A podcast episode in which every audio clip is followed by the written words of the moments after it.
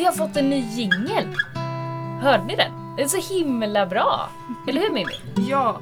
Ja. Efter drygt ett, ja, nästan ett och ett halvt år nu så har vi bytt ut vårt fågelkvitter mot, Mot något på riktigt liksom. Mot en riktig jingel. mot en riktig jingel. Nu, nu är det ingen lek längre, nu är det allvar. Ja. Ja.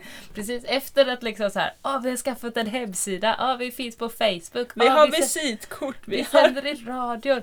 Vi, ja, nu har vi en jingel. så, Det är ett, så här, ett, ett utvecklingssteg. Så. Mm. så tack Emanuel som har fixat jingeln, måste vi säga. En av våra bäst eh, trogna lyssnare utanför Göteborg. Våra. Mm. Tack för den. Jättehärliga. Du skickade dem till mig och skrev att de spelades på... på Ett eh, bohuslänskt instrument som man inte kan säga på något annat sätt än att det är ekivokt, tror jag. Jag har aldrig hört det, jag har bara läst det. Och det Ja. heter typ Fitzr. Fitzr. Med, med dubbel-R på slutet. Hur säger man dubbel-R? Alltså F-I-S-T-R-R. Fitzr. Fitz. Min... min Eller Fitzr. Fitzr. min Nå, dok- ja, Okej, jag vet inte riktigt. Nej. Mm. Men jag tänker så här, när, när barn Vi lär sig säga R. nu. Vad sa du? När barn lär sig säga, säga R på riktiga, när barn lär sig säga riktiga R. Jag är från Småland. Ja just det, ni säger inte R. Nej. Åh, nej, men när alla andra lär sig sä- säga R på riktigt och Mm. inte L och såna grejer. Mm. Då börjar ju alla barn betona de här R'n jättemycket. Ja tack, jag vill ha korv! Säger de helt plötsligt. Jag, hämt, liksom så här, jag hämtar en kratta. Så det är, en, det är Fitzr. Tror du? Kanske! Kanske, jag vet inte om de säger R i Bohuslän heller. Nej. För jag menar hela södra Sverige är ju lite dåligare än andra delar på att säga R. Vi har ett speciellt sätt att säga R på. Tårta på en tosta! Ja, Ja. norsk tosk förstås, inte spott. Och Nej, jag fattar ingenting. Nej, det jag skulle komma fram till med var, för mig låter det som en gitarr. Ja men det är typ något som liknar en gitarr. Verkar Mm. det som. Så här bohuslänsk gitarr. Vet inte. Nej, okej. Kan vi säga det? Ja. Alltså. Eh, nu, så- Musik är inte våran grej. Nej, Nej. nej. Men det är tur att vi har några lyssnare som, vi, som eh, har det som sin grej. Och som Mm. eh, vill vara med och bidra till att vi får en jingel. Jätteroligt att vi får en jingel. Ja, Ja, så det känns bra. Så den kommer ni få, få dras med nu ett tag. Vad har hänt Alltså- mer sen förra avsnittet? oj, det känns som som det var jättelänge sedan vi spelade in förra avsnittet och som om det var igår. Det är en konstig tid nu. Mm. Det, mm, Är det, det är det. faktiskt. Det hände jättemycket. Ja, men alltså det har kommit in en hel del meddelanden eh, och kommentarer och mejl sen förra avsnittet från eh, Från Andra- våra lyssnare. Ja, men jag blev så här från andra människor höll jag på att säga. Men jag sen insåg jag precis när jag skulle säga det att det har bara varit uteslutande kvinnliga kontakter. Ja, det kanske det är. Ja, förutom Mm. Emanuel som har skickat jingeln, men det beror nog inte Ja, på och, förra och avsnittet. eh, anmälningar till fröbyteskedjan Dela frö, dela mat som också väller in lite. Ja, för den är inte kvinnoseparatistisk. Nej, Nej. det är den inte. Där får alla vara med. Vi har Det är en inte solidarisk. Vi har inte en kvinnoseparatistisk podd. Nej, det har vi inte. Nej. Nej, varken partipolitiskt eller opolitisk eller separatistisk. Bara lite färgad. Ja, ja, Eller? Mm. Eh, nej men det är väldigt många som har skrivit och eh, dels att de ehm, också känner igen eller vill dela med sig av det här liksom med kvinnlig gemenskap. Och det har Mm. kommit kommentarer om, om generationsboenden och liksom Mm. sådana saker. Eh, och även en hel del om den här tröttheten eller liksom att inte orka med som jag pratar ganska mycket om. Den här Mm. självvalda ensamheten för att man inte pallar. Mm. Ja, men det, eh, det känns lite som att både det här avsnittet eh, som vi sände senast då, om ensamheten, har fått mycket respons precis som det där avsnittet som vi sände i, ja, men i början av förra året om det här med psykisk ohälsa. Mm. Där fick vi också väldigt mycket respons. Så de här, de här avsnitten som berör lite mer på djupet, som kommer in på det här svåra, det som man inte riktigt pratar om. Mm. Eh, då börjar folk prata mer med oss. Ja, verkligen. Och det, det märks ju att det liksom inte är några några få liksom att, Mm. att vi som upplever det så här eller känner så här eller tänker så här att det är liksom inga enskilda små öar utan vi är egentligen den stora massan faktiskt. Det är vi som är normen. Vi som Ja. känner oss utanför normen och ensamma i normen, det är vi som är normen. Ja, lite så känns det faktiskt. Och det har ju varit eh, Ja men det känns ju superhärligt att läsa alla de här kommentarerna. Mm. Eller det är ju lite dubbelt kanske man kan säga för samtidigt är det jävligt synd att det är så många som delar med sig av, av liksom hjärntrötthet och utmattning Mm. och liksom självvald isolering eller, eh, eller saknad av gemenskap och, Mm. och mening och sådana saker. Eh, Samtidigt som det Alltså det, det är liksom skönt att man inte är själv. Alltså men är sorgligt att det är så många som känner så. Det är ju skönt att vara ensam i grupp. Så kan man säga så. Men du brukar alltid säga att ensam tillsammans med andra är den värsta ensamheten. Ja, ja, jo, ja men eh, det, då är det ju andra som inte är som en själv. Ja just det. Men det är är liksom det- ensamhet utan gemenskap. Ja, men det här med att sitta med någon som, eh, som är typ som en själv och bara dumglo på film. Det där som jag inte Är det klarar det som av. inte du klarar av? Men det, eller sitta och slöjda tillsammans eller Ja. sånt som jag tycker Ja men det, ja. det, det kan jag tycka är väldigt skönt. Att man behöver inte hela tiden göra eller hela tiden eh, Kommunicera, kommunicera hela för tiden. att man, man är bara i varandras närhet. Liksom. Man fattar ändå liksom. Mm, Mm. Det kan jag tycka det är nice. Mm. Mm. Och sen samtidigt, så det här, alltså, det sa jag nog i förra podden också, det värsta argumentet för att trösta någon, eller det värsta sättet för att trösta någon är ju att säga att andra också är i samma sits eller har det värre. Ja, Liksom. precis. Så att det där med att ja, men vi är fler som är ensamma. Ja, ja men vad, vad skönt det känns nu då. Att det är fler som sitter i skiten. Precis, nu känner jag mig inte alls dålig som känner mig, eller så här, det, blir- det, liksom, det snarare förvärrar ju för man känner sig ju ännu sämre för att man Ja. själv är så jävla vek när alla andra har det så jävla jobbigt. Man borde ju bara rycka upp sig istället. Ja. Ja. ja, dåligt. Ja, Borgerligt. Nej. det är ett borgerligt sätt att trösta. Det- där det, ja. Våga vägra vara borgare, som det står på min väska. Oj, ja just det. Din högstadieväska eller vad Ja, med alla mina pins och grejer. Ja, Jag, jag ja, du har massa pins på din jag väska har nu. en massa pins. Och Titta här. ETC och FI. Våga och, vägra vara borgare. Ja, det står det där. Fi och eh, vi håller oss på jorden-rörelsen.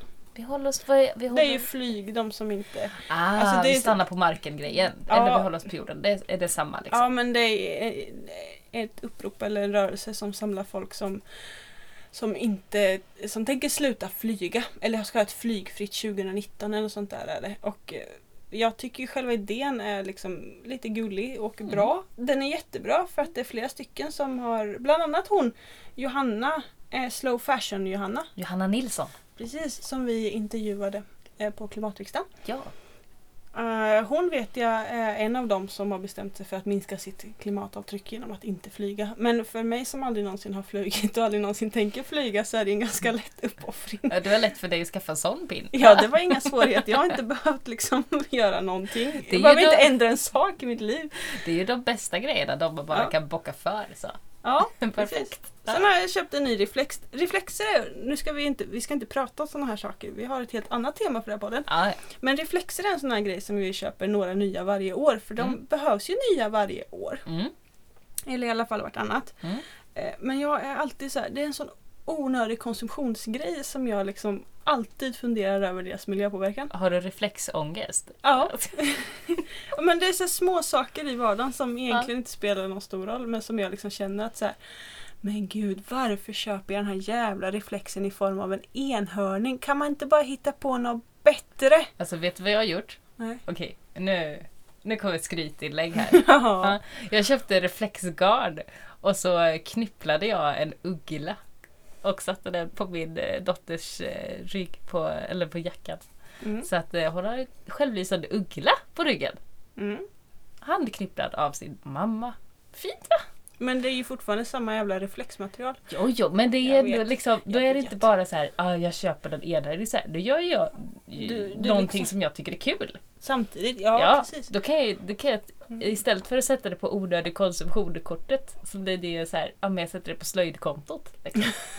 För slöjd är aldrig onödig konsumtion. Nej, nej, nej. Rör inte min garnstash eller vad är det? precis. Ja, Nej, eh, det är eh, mindfulness. vi har faktiskt, eller jag ska inte säga vi har, barnet har faktiskt en sån mössa. Ah, Eh, och jag tror även hennes kusiner har såna mössor Mm. som svärmor har stickat. Det är reflexgarn. Ja, och de är, när barnen är sådär runt en halv meter, meter långa så är Mm. de ju liksom i precis rätt höjd för reflexerna. mm. Det är Så perfekt. ja. Mm. Men i alla fall. Det jag skulle säga var att jag har även köpt en ny reflex då, som hänger på min väska i Mm. form av en kotte. Ah, ja, okej, det är kotte. Jag tänkte, vilket land är det där? Åh, det är en kotte! Ja, men nu, nu när du Och det säger det tycker ser jag jag. ändå okej. liksom. Så här, Ja. Jag kan liksom så här förespråka naturen Mm. och ändå vara lite av en miljöbo. Då, det är ju jätte... Det är som att köpa utsläppsrätter för att kunna flyga någonstans. Det är Ja, jag vet. Va? ja, jag vet. Det, jättekonstigt. ja, jag vet. Mm, okej. Fånigt.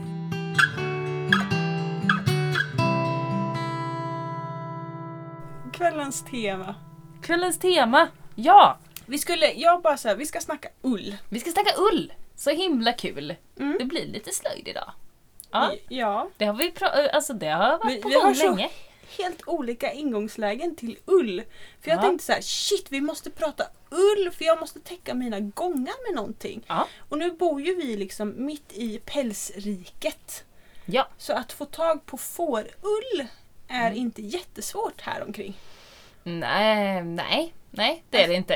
Det är det Nej, inte. det, vi har både företag och enskilda lantbrukare Mm. som förvisso också är företagare. Men Ja, alltså ni fattar.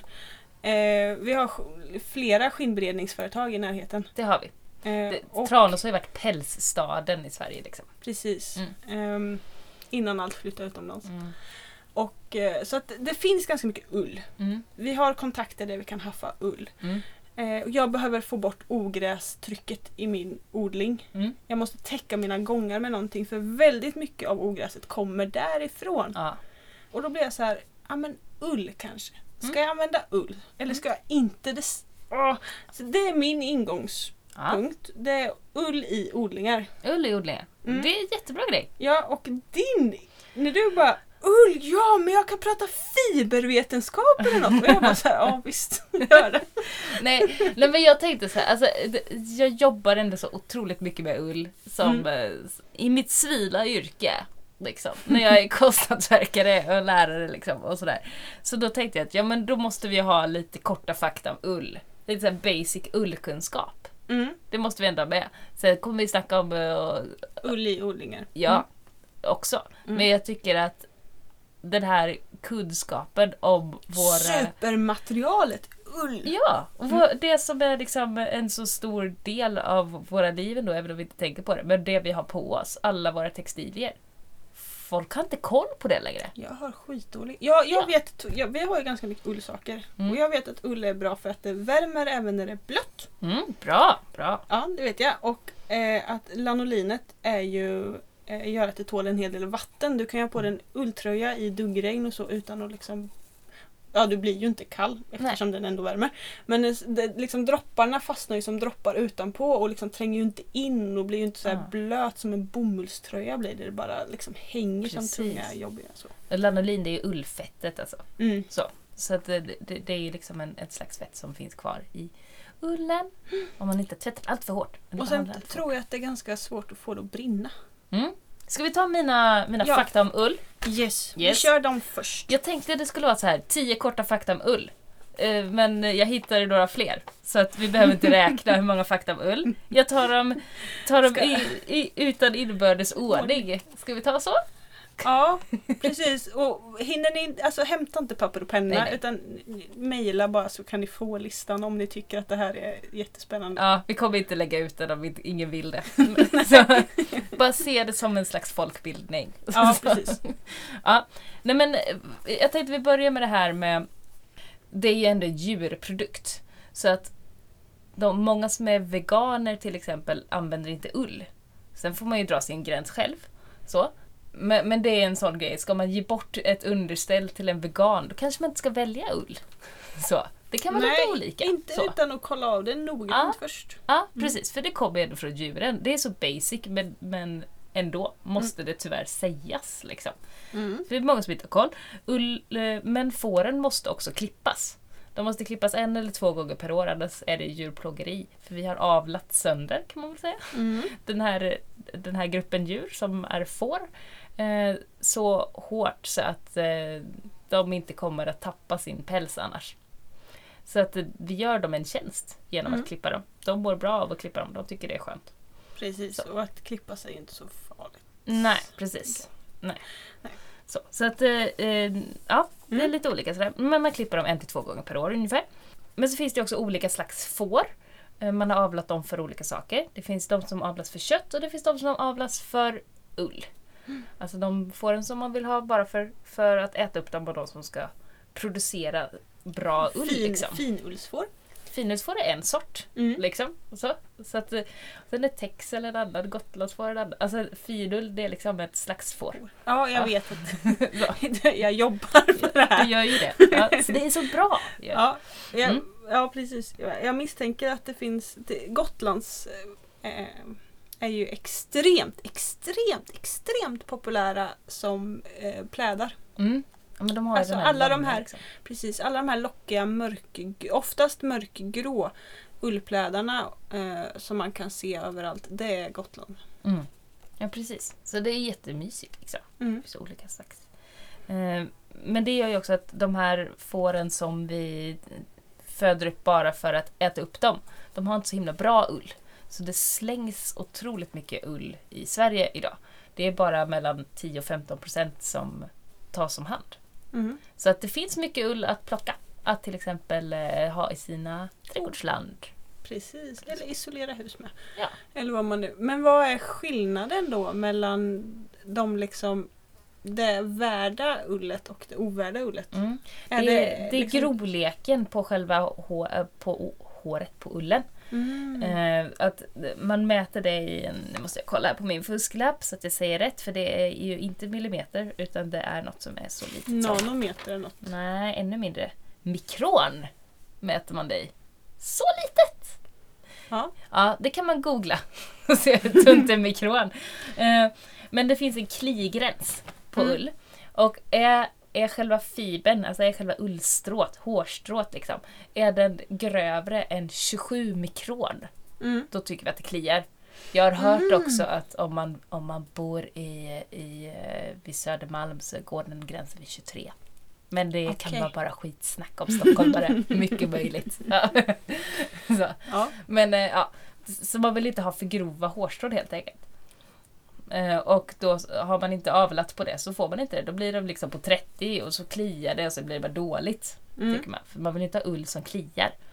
Man kan få det ända ner till 14,5 och ännu tunnare mikron. Oj. Eh, ja. Men då är det liksom, de fåren har det inte bra. För de måste vara i så speciella förhållanden. De har filtar på sig och så här. Det är inte... Där börjar vi faktiskt gränsa in på djurplågeri. Ja, När deras naturliga beteende hindras. Ja, så Mm. står det liksom att så här, åh, bara 12 mikron. Så man tänker, åh vad bra, för ju tunnare desto bättre. Nej. Kanske inte är så bra. Nej, så länge det är under 27. Ja. Ja, precis. Jag har aldrig sett den måttenheten överhuvudtaget någonstans. Används bara i ull kanske. Jag vet Ja, inte. Nej. nej. nej, men det är så här supertunt.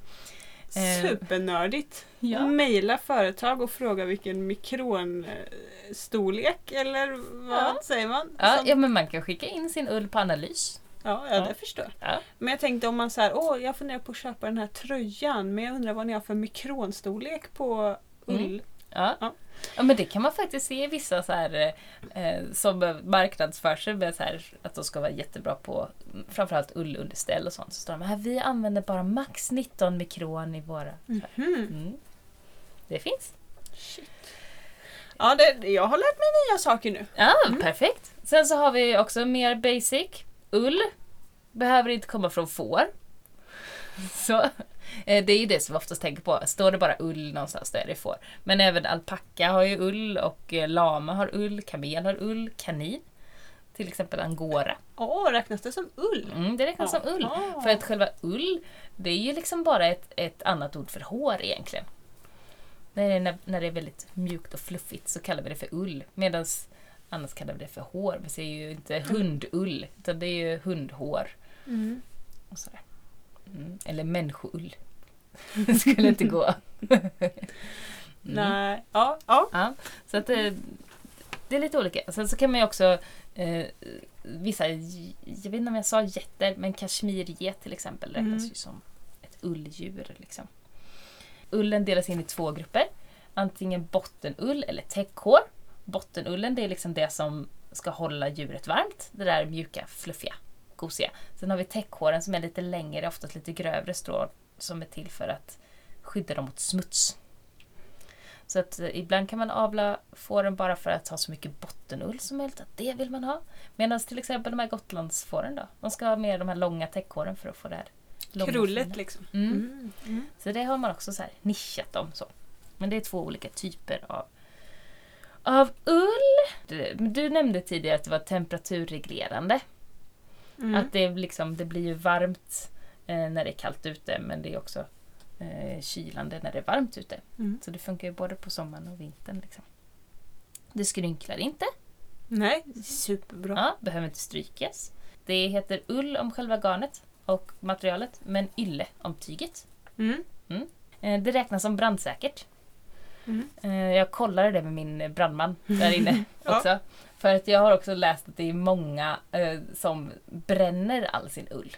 För att man kan inte göra Det av är med ingen den. som vill, nej precis, Nej. ingen vill ta hand om det. Är det över 27 mikron, det är, då är det bara skräp.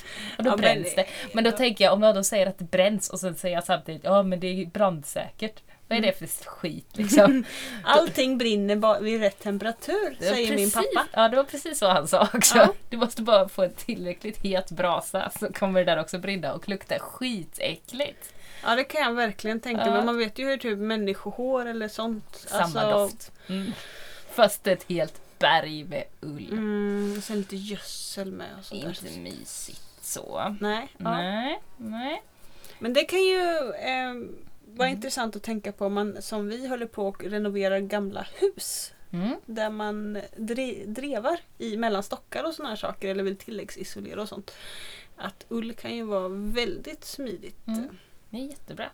Problemet är väl att om ull väl blir blött Mm. så torkar det ju inte jättefort. Nej, nej det, Det håller ju fukt också. Ja, det, det är ju lite alltså- därför man vill ha det i täckodlingar ibland. ja, För att det bildar liksom verkligen en barriär som håller fukten på plats. ja.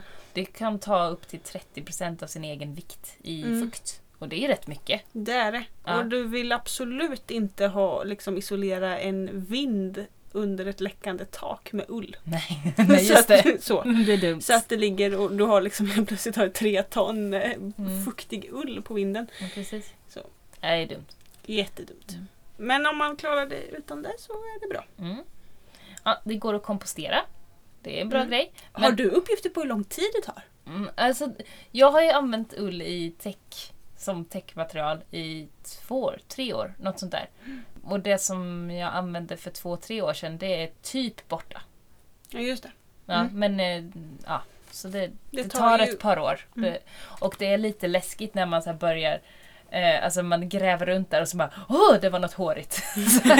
Det är lite läskigt. Och så kommer man, just det, här hade jag täckt med ull. Men innan den, liksom sådär. Mm. Då tänker man att man har hittat någon bockstensman eller någonting. Så, inte så mysigt. Eh, Men om man vill kompostera något ullgrejs. Alltså så här, antingen om det är så här. Alltså lägga det i gångarna eller använda det som täckodling. Eller bara vill slänga sin utslitna ulltröja på komposten. Så man, man ska kolla då om, om den är färgad med något farligt. Eller om det är liksom andra materialblandningar i. För det kanske man inte vill ha in i sin kompost. Om det är ett plagg faktiskt. Nej. Så. Är det bara ull som man får från bonden då kommer det inte vara något sånt. Men, men, Nej.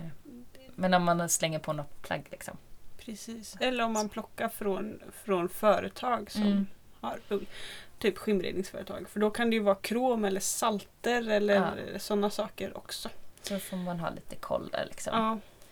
Vi har haft eh, ulltyg i världen i minst 5000 år. Mm. Sen man hittat här rester av det från 3000 före vår tidräkning. Och i, här i Sverige tror man att det har funnits ungefär 4000 år. Mm. Så det är rätt länge vi har hållit på med ull. Det är också ett gudanamn. Ull. Ull. Man kan, man kan heta Ull. Ja. Det är ett mansnamn. Ja. Eh, och eh, Ull var ju då med i den nordiska mytologin. Han är son till Siv och styvson till Tor. Men man vet inte riktigt vem som var fadern. Det snackas lite om det men eh, Mm, ja. Det snackas mycket i Ja. den där. ja. Mm. Men Siv är i alla fall morsan. Den brukar, den brukar vara ganska tveklös vem som är morsan till ungen. Så. Mm. Men eh, han är lite mystisk sådär. Så, Mm. Ull. Aldrig hört talas om. Ja, ja, han finns. Mm. Finns. Mm. Ja. Jo, men jag vill snacka lite om det här med merinofår också. Eh, Mm. Har du hört merinofår? Mm. Vad har du hört om merinofår? Har du hört bra eller dåligt om merinofår? Det beror på om... Alltså man har hört väldigt gott om merinoull och Mm. väldigt dåligt om hanteringen av merinofår. Precis, för det, det var liksom en stor... Eller de som kör den här m- mul... eh, Malsing. Malsing, precis ja. Mm. Eh, För det var... Ja, men det var väl en 5-10 år sedan nu tror jag som det Ja, blev en stor säkert. grej. Liksom. För då kom det fram att eh, ja, men de här merinofåren inte blir så bra hanterade. Liksom. Att man, alltså merino är ett, ett, ett slags får som har extra mycket hud. Och när man har extra mycket hud får man också extra mycket ull. Liksom. Det är därför man har odlat på att få mycket hud för då får man extra mycket ull på varje får. Liksom. Det är en bra grej, men då får de också mycket hudveck. Mm. Eh, och har man då mycket hudveck, särskilt vid rumpan, så fastnar det liksom bajs Mm. i ullen. Och i den här bajsen i ullen så kommer det något som kallas för blåflugor. Eh, och eh, liksom, ja, det blir angrepp, det blir äckligt, det blir inget mysigt. nej. Varken för, alltså det blir inget mys för fåret liksom. Det blir, nej fy. Ja, det vill man inte ha. Man vill inte ha larver i rumpan liksom. Nej, jag tänker hur de äter upp köttsår. Ja, det blir, ja. Inget bra. Inget bra. Mm. Så då har, har man då eh, skurit bort hudveck precis vid rumpan istället. Så att det inte ska kunna samlas massa larver där. Blir inte heller så mysigt. Inget bra att ha få så. Öppna köttsår blir det istället. Eller öppna köttsår vid rumpan är inte heller bra. Och dessutom var det många som körde utan bedövning. Och liksom, äh, nej, i, i, inget mysigt. Dålig PR för merinoindustrin. Liksom. Dåligt avlat. Ja, det också. Det också. så framförallt det kan man väl säga. Ja. Så att, eh, vill man köpa merinoull, kolla upp det. Liksom. Se till Mm. att det är certifierat, se till att det är bra grejer. För väldigt stor del av all ull som produceras i världen är ju från merinofår för det är väldigt mjukt, väldigt få mikron, Mm. ja, bra grej, men eh, dåliga konsekvenser. Jag tänker det måste vara jättesvårt att liksom få fram bra ull från alla dessa hudveck också. Eller alltså, det måste vara svårt att klippa, det måste vara svårt Ja. att bara allmänt hålla skötseln och ta jättemycket liksom, Mm. medicin och tid i anspråk och säkert eh, besprutningar mot ohyra och all möjlig jävla skit och Mm. svampmedel. Och, ah, Mm. Ja, Nej. inget bra, inget bra. Nej! Nej, precis, precis, precis. Dåligt. Eh, om, man ska, eh, ha, det- om man ska tvätta sitt ullplagg, man ska tvätta sin ull, så ska man inte tvätta den i maskin helst. Det tovar ju ihop sig liksom. De har något som heter epidermisfjäll. Ehm, och det är som de här schamporeklamerna man kan se ibland, att det är liksom ett hårstrå och sen är det en massa fjäll. Och sen så bara, åh det här schampot gör att den stänger sig liksom. Precis så är det med ull. Och när det blir eh, blött och eh, lite tvål och varmt och sådär, då så öppnas de här fjällen. Eh, och det använder man ju sig av när man ska tova. För då Mm. så hakar de här fjällen fast i varandra. Mm. Eh, och så krymper det och sitter ihop liksom. Eh, men det vill man ju inte om man har en, en tröja i storlek 37 vill man inte att den ska bli i storlek 34 liksom. Så. Been there, done that. Ja, det har man ju gjort. Så, Ja. så inte, inte tvättmaskin. Häng ut den i, i eh, lite så fuktigt väder över natten. För då kommer lanolinet att tvätta tröjan självt. Funkar ju liksom inte på ketchupfläck. Så, Nej, så men, då får man ta en handtvätt. Och, använda lukten. ja, Vi kör faktiskt våra ullkläder i tvättmaskin. Fast vi har ullprogram eller om det Mm. är fintvätt eller handtvätt. Det har nog stått Ja. olika på olika maskiner. och det är ofta så att de och liksom då är det inte... typ 30 grader och sen så ligger de bara liksom Ja, de skvalpar. gunga lite i vattnet. Sådär. Ja, för man ska inte gnugga. Och det ska ju inte centrifugeras då heller. Alltså det är det här gnugget. Mm. Som, för då så hittar ju de här fjällen varandra och hakar i och så trasslar det ihop Mm. sig mer och mer och mer. Det är som de här toverna man får i håret i nacken. Liksom. Att när man ligger där och inte kan sova på natten och man Mm. bara rullar fram och tillbaks. Liksom. Eh, att det behövs friktionen. Så att eh, ja, ullprogrammen funkar så att det inte blir någon friktion. Liksom. Man ska inte använda eh, eller köpa sockar som är i 100% ull. För att de kommer gå sönder ganska fort. Eh, så, man behöver lite av något syntetfiber i dem tyvärr. Men det måste ju hålla. Man vill inte ha jättefina sockor som inte håller. Nej, det Så. vill man inte. Men man måste använda 100% ull i sitt garn om man ska nålbinda. Vad är det? Det är en slöjdteknik. Okej. Mm. En utdöd teknik. Ja, Det kan vi prata mer om någon annan gång kanske. en annan gång. Ja. Ja. Mm. Annars Men- kommer du bara rabbla fibervetenskap i 45 minuter. Ja, jag är snart Och jag vill prata trädgård. Snart klar. Eh, så. Men eh, nålbindning är väldigt kul. Det där med att det är en utdöd teknik tycker jag är... eh, Det är det ju inte om du håller på med den. Jo men den, den dog. Och sen har man hittat den. Alltså man Ah. har hittat... Eh, nu måste vi ta det bara för det. Före detta utdöd. Eh, återupplivad. Som om vi skulle klona en mammut nu. Frankensteins monster. Ja men lite så. Ja. Alltså man hit, har hittat liksom textila fragment. Bara det är väldigt sällsynt. Mm. Att hitta liksom textilier som har hållit sig. Men man har hittat det i gamla gravar och sånt. Och sen har man undrat hur sjutton har de gjort det här? Det är ju inte vävt, det är ju inte stickat, det är ju inte virkat. Vad är det här för teknik? Och sen så har man då försökt att återskapa den. Man tror att man har lyckats, men det är ju ingen som vet. För det var inget så, alltså, Så antingen är det liksom återupplivad eller också är det en helt ny teknik som har kommit. ja. Precis. Skitmodern eller asgammal. Eh, väldigt modern bland lajvare. Ja, Ja. kan jag verkligen tänka mig. Ja, ja, precis. Och väldigt modern på medeltidsveckan och sånt. För där, alltså ska man vara historiskt korrekt, får man varken ha stickat eller virkat. Nej, fast om man nu inte har lyckats återskapa den Mm. gamla tekniken. Mm. Då är ju nålbindning en helt ny teknik. Ja, Då är ja. den jättemalplacerad på medeltidsveckan. Ja, men eh, det- är ju ingen som vet. Nej. Nej. Så då liksom spelar man på det alla tror. Ja, precis. Man har hittat så speciella nålar som man säger, ja men det här, det här är säkert till det. Alltså, det lilla jag har studerat arkeologi, det jag har lärt mig av det är att det är väldigt mycket gissningar. Mhm, jag Mm. tänkte precis. Ja. ja, men hur gör man då? Kan du bara, bara så här 30 sekunder, hur nålbinder man? Alltså, man har en ulltråd och en eh, väldigt grov nål, typ som en stoppnål. Ja. Ja. Och sen gör man en liten eh, ögla och fäster den runt sin tumme. Ja. Ja, det, det låter som att jag hittar på det här. Ja. Och Jag fattar inte hur det ska bli ett tyg. nej men, och sen så tar man och gör ett stygn runt den här öglan som man har i sin tumme. Man kan Ja. liksom snurra runt i den här öglan och så går man ner och gör ett stygn. Ja. Och sen så plockar man av en tråd och så gör man ett nytt stygn. Plockar av en tråd. Så att det kommer att växa som en liten, liten sträng av garn längst ner i En handen. form av liksom. fingervirkning. Med stoppnål. Ja, men lite som en fingervirkning fast man syr stygnen hela tiden. En fingervirkning kan du ju dra upp, alltså det är en virkning så Ja. att det jobbar med öglor. Och man kan repa upp den. här är ju ett stygn så du kan aldrig, man kan inte repa upp den på det sättet.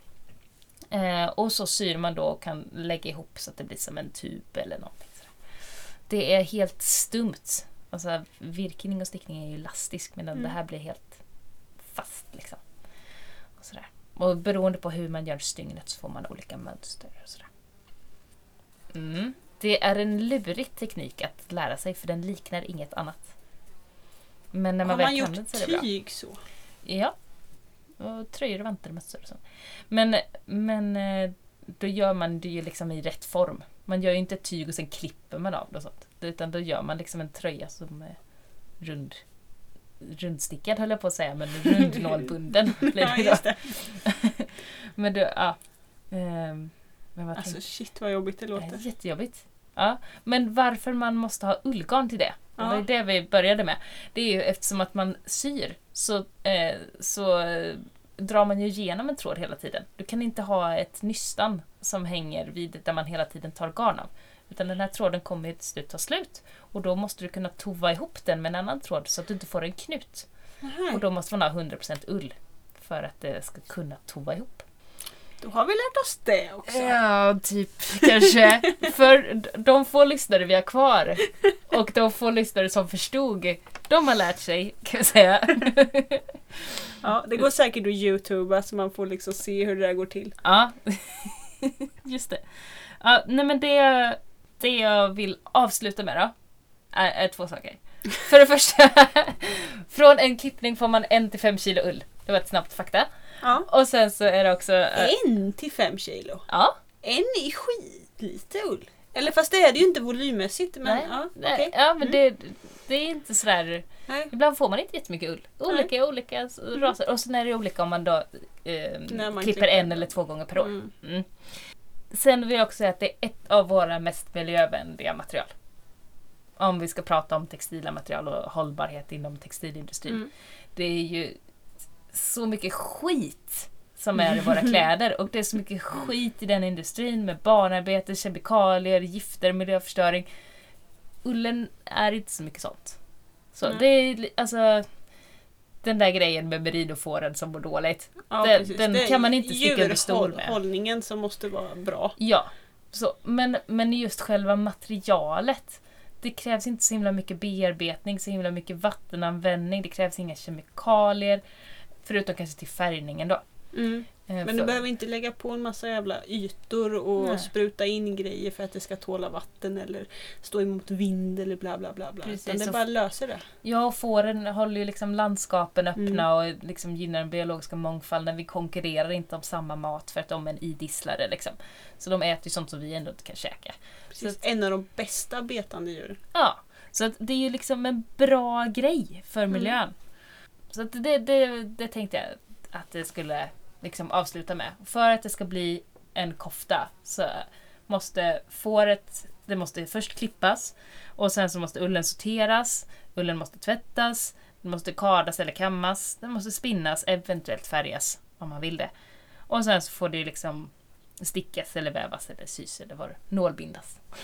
vad det nu är man gör med själva ulltråden liksom. Mm. Men det är inte så heller så många moment som det måste gå igenom för att bli en, eh, en tröja. Till Nej. exempel. Om man jämför med typ lin eller bomull eller något Ja. som ska liksom sås och skördas och besprutas. Och, och, det ska väntas, det ska fixas. Det, och ja, det det ska vattnas och det ska... Vi får ta lin en annan gång. Det vore kul. Ja, absolut. Okej, det var mina 24 snabba fakta om ull.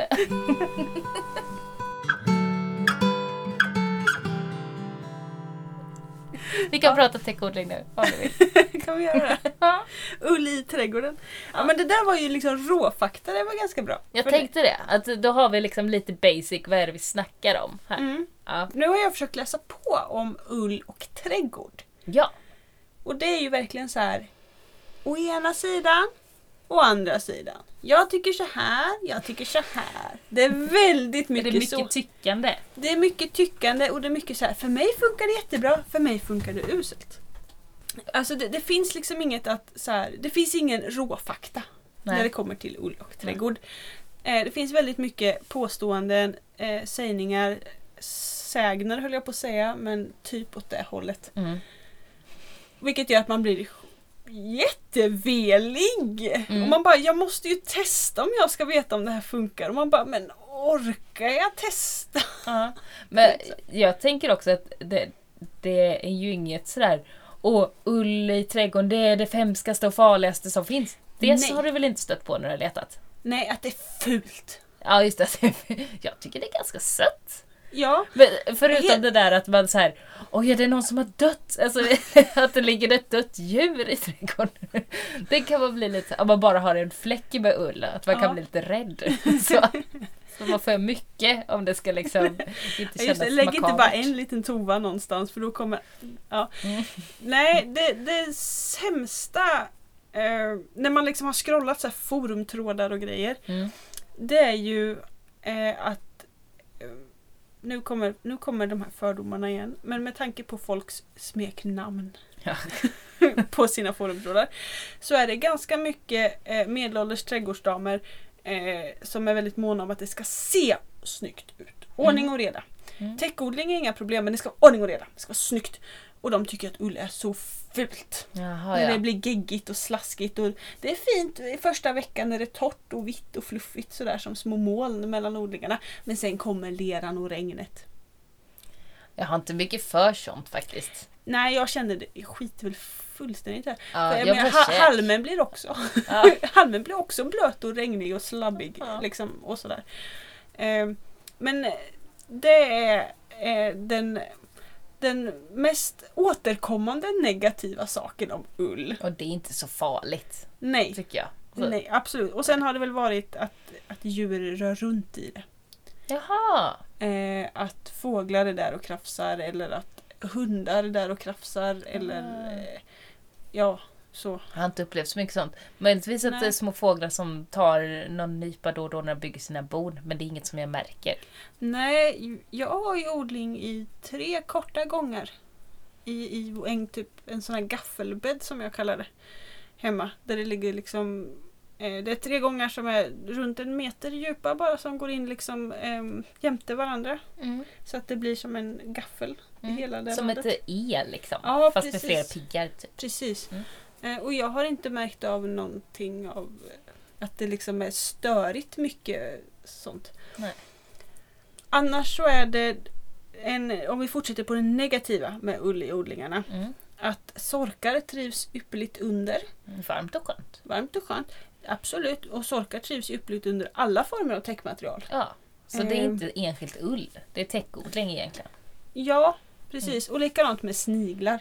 Ja. En del hävdar att ull drar till sig sniglar och att de har det jättegött där under. För att eh, de håller fukten kvar och eh, de liksom, det är ett tjockt täcke Ja. som inte blir stört. Alltså tänk dig en ullig snigel. Så himla äcklig. jag tänker, alltså hade jag varit snigel då så hade nog inte jag velat vara i ull. Jag tänker att det så här Fastnar. och man så här, trasslar in sig. Om de inte käkar upp ullen kan göra som gångar i ullen. Kanske de kan. Eh, Jag vet inte, kan för lite av sniglar. Nej, men sniglar äter ju liksom inte... Menar, ull och hår är ju gjort av liksom samma proteiner som typ skelett va? och tänder. Ja, och naglar och sånt. Och naglar, Mm. ja. Och mig veterligen så är det väldigt få djur som äter sånt. Ja, nej det är inget gott. Nej, skitsvårsmält. Ja, har man något tuggat hår, då gör man det inte igen. Svälja Nej. hår, usch väck. Åh, vilken äcklig bild. Här, ullbollar i halsen. Ja, det var fastnar och trasslar sig. Inget bra. Nej, Nej. Inte rulla chokladbollar i ull. sluta nu. Okej, okej, jag slutar. Ja. Ullboll. Nej. ja, det är ju inte jag som ska in och käka chokladbollar med min familj när vi har poddat färdigt för jag ska åka hem och sova. Ja. Det är du som kommer sitta där och ta din chokladboll med kokos. Eller när jag har käkat socker på. Klart vi har kokos på. Ja, okej. Ja. Ja, det skulle inte förvånat mig om det var pärlsocker. Nej. Eh, och bara så här, ullboll, ullboll. Jag kommer skicka sms där det står ullboll till dig. Ja men eh, jag kan hantera det. Jag har ju liksom hållit på med garvning. Jag, jag, jag, klar, jag är rätt så klarar hårdhudad ganska- ja. med sånt. Men, eh, men jag kan ju eh, få de andra att eh, lämna de där chokladbollarna i fred. Så får jag fler. Genom att säga ullboll. Ullboll. ja, men Jon är inte så kräkmagad heller med sitt yrke alltså. Det får man inte vara som brandman. nej. Nej. Man får se äckliga grejer. Jag Okej, jag tänker- avbryter dig hela tiden nu. Förlåt. Ja, nu spånar vi in på helt fel. Ja, vi skulle prata om vad var det? Ullboll? Ull! Nej. Men sluta nu. Vi höll på att prata om sniglar. Det var ju mysigare. Ja, eh, men att ull då drar till sig sniglar och liksom är en grogrund för sniglar. Mhm. Istället. En del hävdar ju att det hjälper mot sniglar. och Ja, en, just det. så, så att, Jag vet inte. beror kanske på vad man har för sniglar. Jag visste inte. Eller för ull. Eller för ull, ja precis. Man kanske ska ha den där som har riktigt tjocka, riktigt sticksig Ja, just det. Man får helt enkelt fråga, vad hette det nu? Mik- Eh, Efter mikrontalet. Mikrontalet, precis. Eller bara ta och gosa ansiktet i det. Känns det sticksigt? Mm. Ju Då- sticksigare desto bättre mot sniglar kanske. Mm. Ja, precis. Fast, ja. ja, för alltså kryper de över? För det Mm. var någon som hade en teori att de inte tycker om att krypa över ullen. För att det är liksom svårt och jobbigt och fluffigt och mjukt och sånt Ja, där. kan jag tänka mig. Ja. Men då kontrar ju folk med, men de kommer ju under. Ja, det tror jag att de gör. Men är ullen sticksig? Att det är det som avgör? Mm. Så det, alltså det är lika jobbigt att bli stucken på magen som på ryggen. Men då tror jag så här då. Mm. Att om man lägger ut ull som täckmaterial på hösten Mm. så kommer maskar och, och shit, liksom, våra nedbrytare, att kommer att, de kommer att åka upp, ta med sig lite ull och dra ner det och börja liksom den här nedbrytningsprocessen där de faktiskt drar ner täckmaterialet ner i jorden. Och då kommer ju ullen att sitta ihop mer med jorden. Mm. Och då så kommer det inte finnas den här liksom luftspalten mellan jord och ull. Utan det. blir liksom ett mer fast täcke. För det har jag märkt när jag har, när jag har använt mig av ull. Det andra året så är det, det är mycket svårare att ta sig Ja. ner. För att ullen sitter liksom fast i jorden. Mm. Jag blir nästan tovad liksom av Ja. gång och regn och djur och... Precis. Mm. Mm. Så att eh, då kanske det är en bra grej för att täcka på hösten. Mm. Om man har mycket snigel liksom. Mm. Ah, å andra sidan så då blir det isolerar blir varmt och gosigt för snigeln på hösten. Kanske överlever flera då. Och för sorken. Och för torkan ja. Skitsvårt. Jag försökte göra ett, ett empiriskt test. Oh, Genom att gå ut till mina tre gånger och titta Ja, hur det såg ut. hur såg det ut? Eh, det gav mig ju faktiskt ingenting. Nej. Vi kan kanske ta de positiva grejerna med ullen. ja. Ett litet inhopp, för det, Ja. jag var ju tvungen liksom, så, jag, så ni vet vad jag tittar efter här. ja, vad tittar efter? Det var ju de här tre dåliga sakerna liksom. Mm. Att det är fult, att det drar till sig sniglar Mm. eh, Och sork. och sork. Precis. Och sen var de bra grejerna var ju att maskar skulle älska att vara under ull. Lyfte man Mm. på ullen så skulle det liksom vara krylla som en liksom maskkompost där under. Ja, lät det som. Ja. Eh, så det skulle vara, man skulle kunna lägga ull, typ ull, en... ehm, Alltså när man klipper fåren så får man liksom stora sjok. Det faller Mm. ju inte isär små tussar utan Nej. man får ju liksom ett helt En Ett helt fäll får. liksom. Ja. som man, eh, om man typ la ut en sån på gödselstack så skulle man liksom bara kunna lyfta på den och bara plocka hur mycket mask som helst den. Just. Hävdade en del. Mhm. Det och att det täcker väldigt bra. Det håller ogräs borta. Mm. Dunderbra. Mm. Eh, och att det då inte skulle finnas sniglar eller de skulle inte gilla det. Liksom. Mm. Det är de tre bra grejerna när Mm. det gäller just täcka Mm. med ull. Sen har det ju andra fördelar också som vi går in på sen. Mm. Och att det skulle vara fuktigt. Det behåller ju kvar fukten väldigt bra. Just det. Så jag gick helt enkelt ut i mina odlingar och lyfte på de här och liksom skrapade och grävde lite där. Och i gång ett hittade jag inget ogräs under ullen. Mm. Jävligt mycket ogräs runt. Ja, just det. När jag, alltså just under ullen var det inte en rot. Mm. Men två sniglar. Aj, aj, aj. Mhm. Mm. Då gick vi vidare till andra gången. Ja. Och där var eh, varken sniglar eller ogräs. Eller ingenting. Toppen. Det var bara tipptopp liksom. Och jag Ja. bara ah. För det första var ljus ull och den andra var mörk ull. Och då tänkte jag men då kanske det är mörk ull man ska köra på. Det kanske blir Ja. för varmt för sniglar och sånt. Då. Ja, just det. För det kan ju spela in. Ja. Då gick vi till tredje gången som var blandad. Ja. Ja. Och det var sjukt mycket rötter under. Mm. I, och en del ogräs som hade växt igenom. Och sorkbo. Nej, det låter inte bra. Alltså, Nej. Och det är ett litet för litet test för att vi ska kunna dra några eh, slutsatser. slutsatser av Ja, det. precis. Men, eh, men eh, ändå, jag tycker det är hedersamt att du går ut och kollar. Ja, men jag fick ju inte... Jag vill ju veta om jag ska Ja. använda ull eller inte och nu vet jag ju inte Jag alls. tänker så här. Vi har fått ull. Vi har gratis ull. Vi behöver något att täcka med. Det är inte farligt. Vi täcker med det. Vi märker att det funkar mot ogräset. Att det, det växer inte igenom ullen lika fort. Som Nej. eh, om det bara Nej. varit och det var barjord. verkligen så att grässtrån växte igenom men liksom grövre, typ nässlor och sånt hade svårare att ta Mm. sig igenom. Precis. Så att eh, kör på ull. Har du ull, ta det. Får du det gratis, ta det.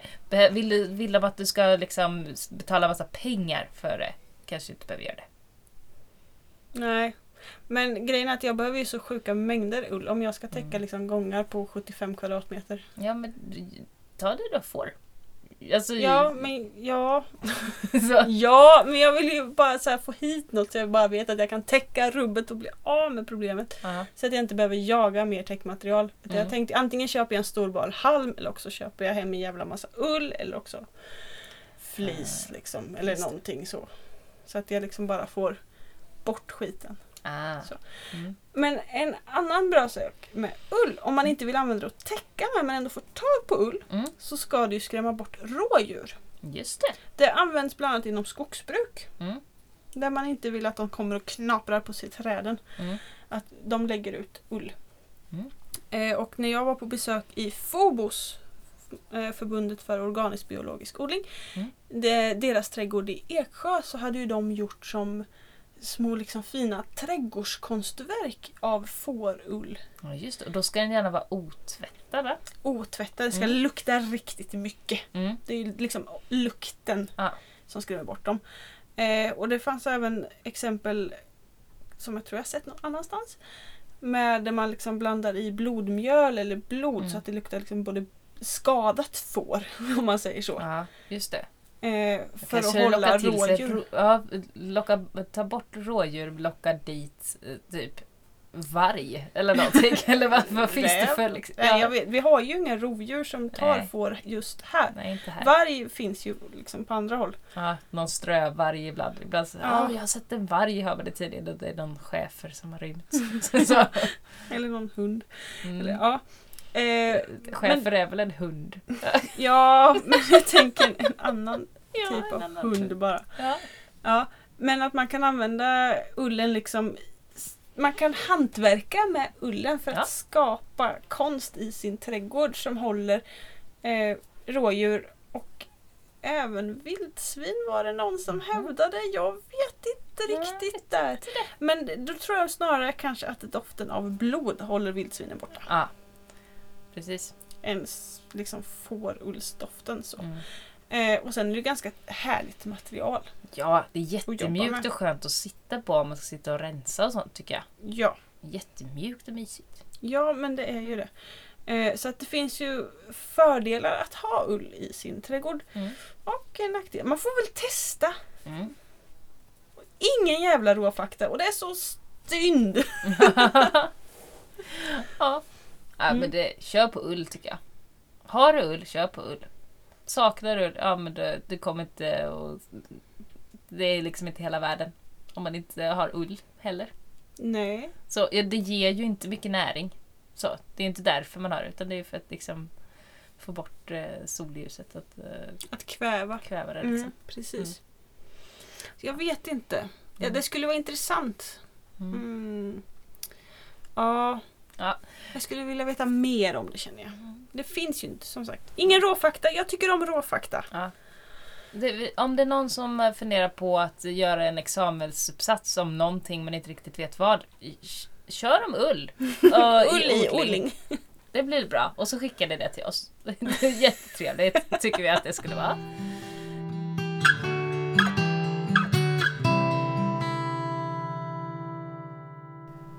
Jag har förberett ett smaktest. Ja. Är du med? Alltså jag, jag är så nojig eftersom det är tema ull. Ja. Ja. Men eh, jag ska- jag ska ta Nu ur... tar Matilda fram en liten korg, en sån här rödluvad korg Ja. med en gammal kökshandduk, Jag tänkte att du bara ska få... skärbräda. Jag, tän- ja, jag tänkte att du bara ska få känna här med handen först. Alltså är det en slaktad kyckling eller? Eh, du, kom och känn här Mimmi. Känn här under, känn här under. Nej, Jo, jo, kom. Jag har någonting här under den här lilla handduken. Som du tar fram två skedar. Du kan, Alltså- eller ta, ta under här. Ta under. tycker Känn, det känn. Vad läskigt här grejer. Jo men kom igen, kom igen. Nej. Det är inget farligt, jag lovar, det är inget giftigt. Ba ballar ur. Du tog fram, faktiskt fram två, två skedar och är det kniven från kolen eller? Ja, det är kniven på Okej. kolen. Känn här under. Känn, känn, känn. Ah, jag vet vad det är! Ja, vad är det för något då? Det, jag kan beskriva det. Ja, Det är, nu har Mimmi handen under den här handduken där jag Ja. hemlisen. det är, det är hårt. Ja, Det är lite kallt, men Mm. det är väl för att det liksom är kallt ute. ja. Och det har taggar. Mm. Det är stort som... Eh, Jag släpper nu. Så. Ja, det är större än ett ägg. Ett, ett strutsägg. Ja, Nästan. Ta av handduken. Ja. Nu har jag listat ut vad det är. ja, det är kiwanon. Kiwanon! Precis! Den är ju liksom alldeles orange och med liksom Ja, Med det- taggar på. med taggar på och taggarna är liksom svarta i spets. Eller de är liksom vita längst ut och sen är de svarta som små vulkaner och sen ser det verkligen ut som det har runnit lava på hela frukten. Ja. Och den ser så himla äcklig ja. Det är en monsterfrukt. Ja, verkligen. Så jag tänkte, det måste vi testa. Ja, Så här har jag kniv och jag Ja, har ett just par det. skedar. ah, Ja. Ska vi prova att skära upp den nu då? mm, nu ska, jag- ska jag beskriva hur den ser ut inuti Ja. också. Nu gör jag ett litet... Oj! Den bara sprutade. den är slimy. Liksom i... eh, När man skär den, att den bara så här... Titta! Och den är så grön! Det är verkligen limegrönt innandöme. Ja. Och det, det ser man på växten också, att det är liksom som en gurkfrukt. Mhm. Eh, att den har liksom de här eh, lite avlånga platta kärnorna precis som gurka har. Mm. Det, det, men den har inte direkt något så här. Det är inte kärnhus i mitten utan det är kärnhus och fruktkött överallt. Liksom. Det är blandat. Det ser ju helt geléigt ut. Ja, det är helt geléigt. Ta en... Eh, Men shit, varför, varför väljer man att odla och äta det här? för att man är lite galen. Nej, jag vet inte. Smakar du? Vad tycker du om Kivano? Alltså, ja. Hur Nej, smakar den? den smakar som... Alltså om du tar kiwijuice. Ja. Säg att du har liksom pressat kiwi. Mm. Eller råsaft centrifugerat kiwi. Mm. Och så häller du det i en glas. Mm. Och så fyller du på med typ två eller tre delar vatten. Mm. Och sen lägger du till några gurkkärnor. Mm. Alltså så här från förväxta gurkor. Ja. Så har du um, Kivano. Ja, Men jag tycker den smakar väldigt mycket som sån här... Alltså ibland brukar man få en sån här gurka som är väldigt söt. Eller smakar väldigt mycket. Eh, Och det är oftast när den Mm. börjar övermogna liksom. Ja just det. Eh, Och, och så tycker jag att Kivano smakar. Som, eh, Som, som söt övermogen gurka. nu kommer alla lyssnare vallfärda till fröfirmorna här för att köpa Kivano att odla. För att Mm. vi säljer in den här frukten så himla bra. Jag tycker faktiskt den är väldigt god. Jag tycker den är ganska menlös. Nej, men, Har du kämpat och gjort hängmattor och grejer? ja, För utspädd kiwi? har du, har du sett en coolare frukt?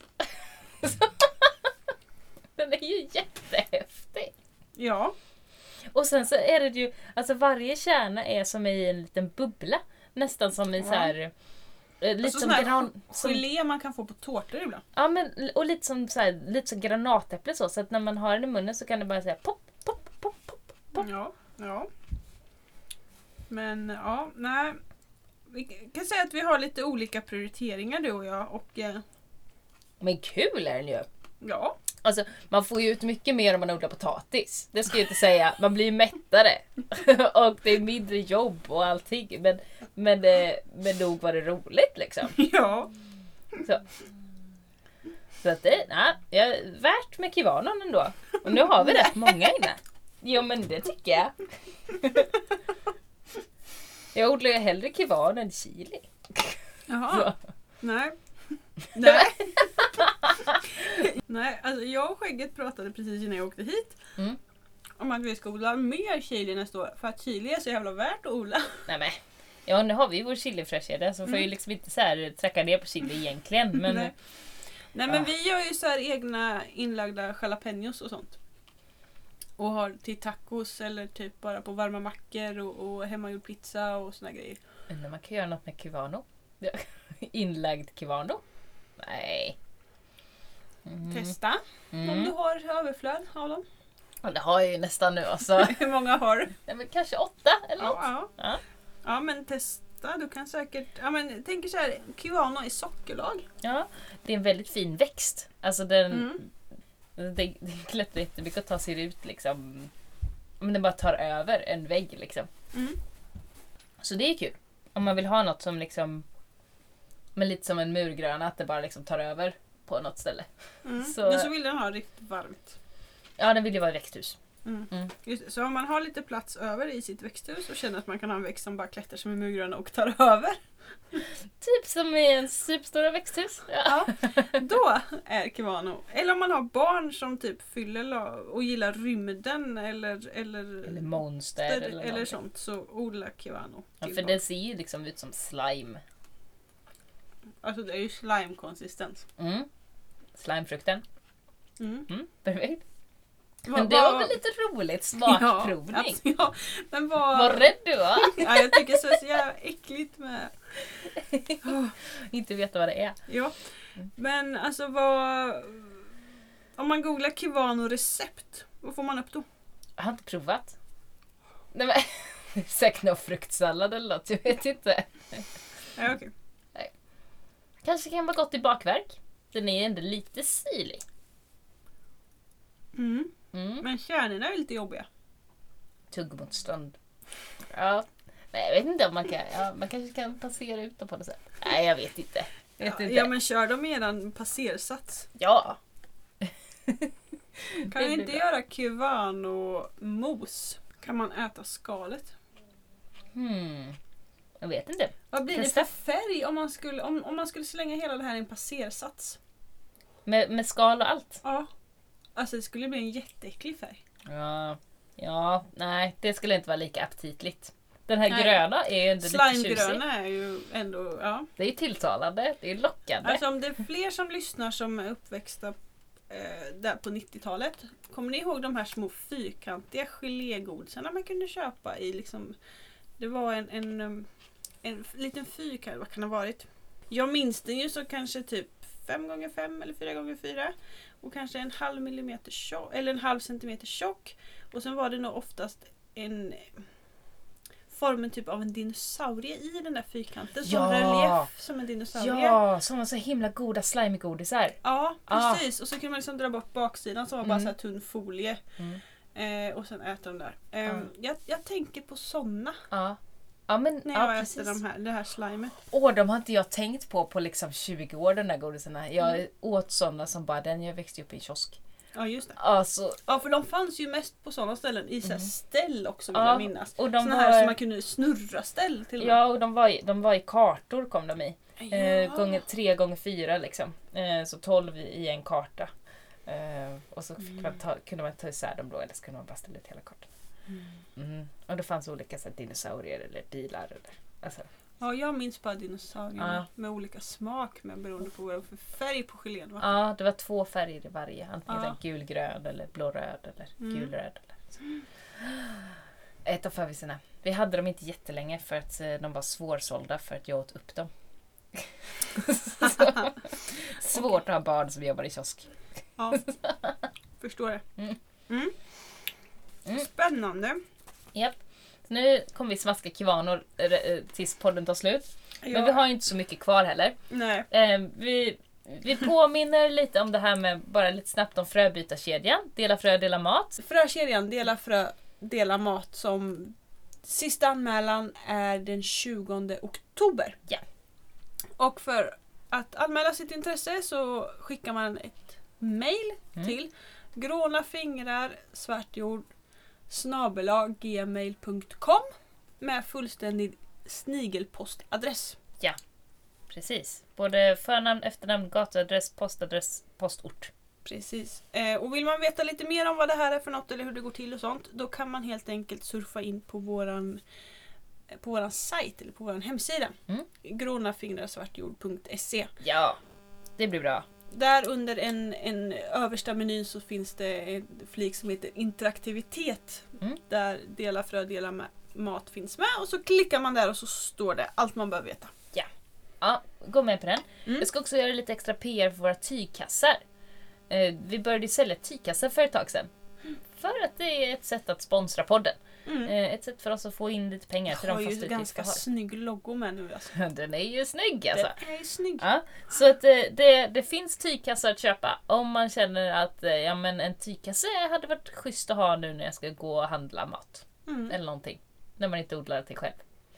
Så eh, tygkasse, 200 spänn. Finns också mer info om det på hemsidan och bilder såklart. Mm.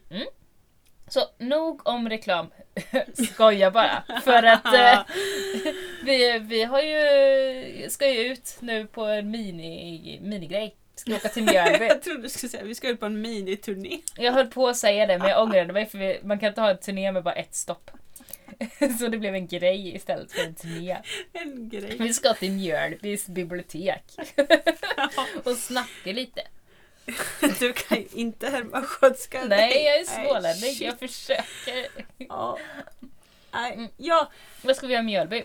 Eh, I Mjölby ska vi prata praktisk omställning. Hur vi gör och hur vi tänker och vilka svårigheter och eh, glädjeämnen som det bär med sig. Ja. När ska vi vara i Mjölby? Den 15 november klockan 17.30 till 19.00 På Bibblan. på biblioteket som har en hel temahöst som är hållbar höst. Ja. Med massa olika grejer. De hade skaparkafé och teaterföreställningar Mm. och klädbytardagar och farbror Grön kommer dit och föreläser. Mm. Eh, någon annan dag. Ja, De vet har, inte. Nej precis. Eh, det pågår ända från 2 oktober till 11 december. Mm. Så har de. Kan inte du läsa den där grejen i korren? Ah. Ja men snälla, det var ju så roligt. Korren är liksom en, en tidning som finns i, i Östergötland. Östgöta korrespondenten Den- heter den egentligen. Men En av Sveriges största nyhetsserier. det är faktiskt det. Mm. Så att eh, det, det är lite kul. Där har de skrivit om det här Hållbar höst som eh, Mjölby bibliotek eh, håller på med. Och då är ju vi omnämnda.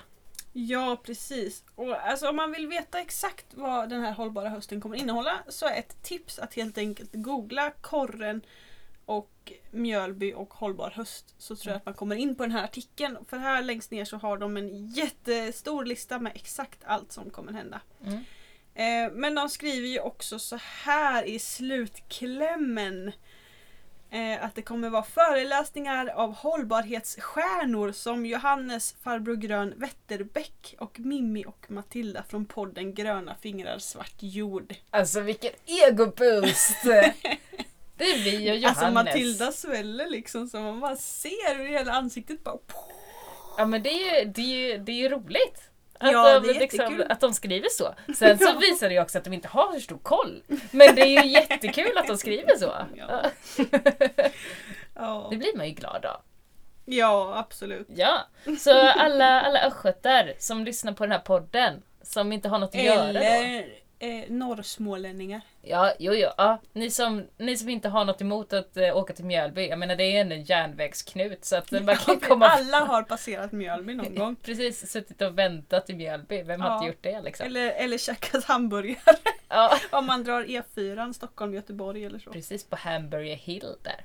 Ja. Ja, men eh, då, då kommer vi hänga i Mjölby och snacka lite på bibblan och ha fröbytarstund också. Precis, de har ju ett fröbibliotek där. Mm. Så vi tar med oss frön dit och sen byter vi fröer. Vi nyttjar fröbiblioteket fritt under kvällen och byter hejvilt. Eh, och så bjuder vi på fika.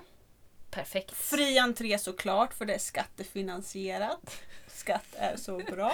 Där blev du lite, lite så här lyrisk. Ja, jag tycker det. Du blir lyrisk av skattefinansierat. Jag blir lyrisk av att vi får cred i korren. Ja. Det är olika det där bara. Vi är olika. Ja, det kan man ju kort sagt säga. ja, så det, det ska vi göra och det ska bli eh, jättekul. Ja! Mm. ja! Ja men vad skoj! Då har vi snackat lite om det. Kom till Mjölby. 15 november. 15 Det november. kommer, alltså vi kommer göra så mycket marknadsföring tror jag eh, på våra sociala medier. Jag tror inte, vi kommer inte behöva älta det här i podden. Nej. Men om man följer oss på Instagram eller Facebook så kommer ni få påminnelser. Japp. Så kan vi säga. Mm. Mm.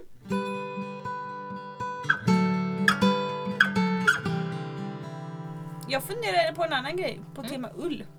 Ja, Eller- tillbaks till ullen. Ja, inte så jättemycket tillbaks på ullen egentligen. Mm. Jag börjar så fundera på vad finns det annat för textila inslag som man kan ha i sin odling på ett eller annat sätt? Eller kan man använda textila? Det här ska vi prata om någon annan gång, Ja. tänker jag. Men eh, textila tekniker eller så som man kan liksom nyttja i sin trädgård eller i odlingarna. Mm. Jag tänker man flätar ju typ pilstaket och sådana saker. Liksom. Det är inte Men- riktigt textil, men en fläta är ju textil. Ja. Ja. Precis. Men det är. Ja. Men annars pil är ju ett träd. Ja. Ja, Så. så dålig koll har faktiskt inte jag. Nej, nej, men vi- jag pratar ju med våra lyssnare också. Jag tror gott om er, men det- alltså det jag möter på skolan är att folk har extremt dålig koll ibland. På vad som är textil och inte textil. Nej men på saker som jag kan tycka är självklart. Det, har, Ja. det, det är inte självklart för alla. Så då tänker jag att det är lika bra att ta det från grunden i allt som man gör. Ja. För att eh, vissa vill heller inte säga att de inte visste. Eller inte kunde. Nej. Eller Så. Det blir ju lite svårt för med forskningen om liksom nya textiler och material och sånt som pågår så Mm. ingår ju bland annat träfibrer. Ja, ja. För att om Det man- används redan nu. Ja, och göra komposterbara kläder och sånt där. Ja. Det ska vi, vi ska inte prata om det nu. Nej. Men jag tänkte att det är en kul grej att kunna plocka in någon gång kanske. Ja. Hur man kan nyttja liksom olika... Hur man kan nyttja olika och också hur man kan odla saker i textilt syfte. Både färgningsväxter eller odla lin eller nässlor kan man också göra garn av till Mm. exempel. Och sådär. Ja, De behöver man ju inte odla, det kan man ju bara skörda. Ja, hur mycket som helst. Ja. Jag har faktiskt en, en stickad tröja i ull och nässelgarn. Oh. Men den har jag kört lite för varmt. Ja. ja. Eh, men jag kan fortfarande ha den. Fast den är, från att ha varit en liksom stor gosig tröja nu, så är det liksom så här trekvarts ärm och midjekort. Ah. Mm. Ja men det kan bli modernt någon gång det också. Jag skiter i om det är modernt eller inte. Jag tycker om den. Ja det är bra. Ja. Ja men det, det, visst, det kan vi ta upp mer. Ja, Tycker ni att det är kul att prata slöjd i podden, skriv det till oss. Så kan vi prata mer slöjd i podden. Jag hoppas att någon hör av sig, om någon har lyssnat så här länge. Så vi kanske tappade alla på ullsnacket. Hoppas inte det. Nej, det skulle också vara kul att, att höra vad folk har för egna uppfattningar om ull. Ja, Om no, någon... i om, trädgård eller i- överhuvudtaget. Ja, nej, inte överhuvudtaget. Jag är inte så intresserad av det. Jag tänker What? ull i trädgård. Trädgårdsull. Trädgårdsull. Hur har det funkat? Hur har det inte funkat? Funkar det mot rådjuren? Drar det till sig sniglar? Eller håller det sniglar borta? Ja, ja, ja, liksom. Är det Mm. någon som har en åsikt om ull i sin täckodling? Mm. Det skulle vara spännande. Ja. Mm. Då kanske jag får råfakta efter ett tag. Jag kan sammanställa allt. Du kanske skriver den där C-uppsatsen. Vi får se. Kanske. Mm. Ja, det var allt för idag. Ja. Slut för idag. Tack för idag. Ja. Kul att ni har lyssnat och nu får ni höra våra härliga jingel. Ja! Ja, hej då! Hej då!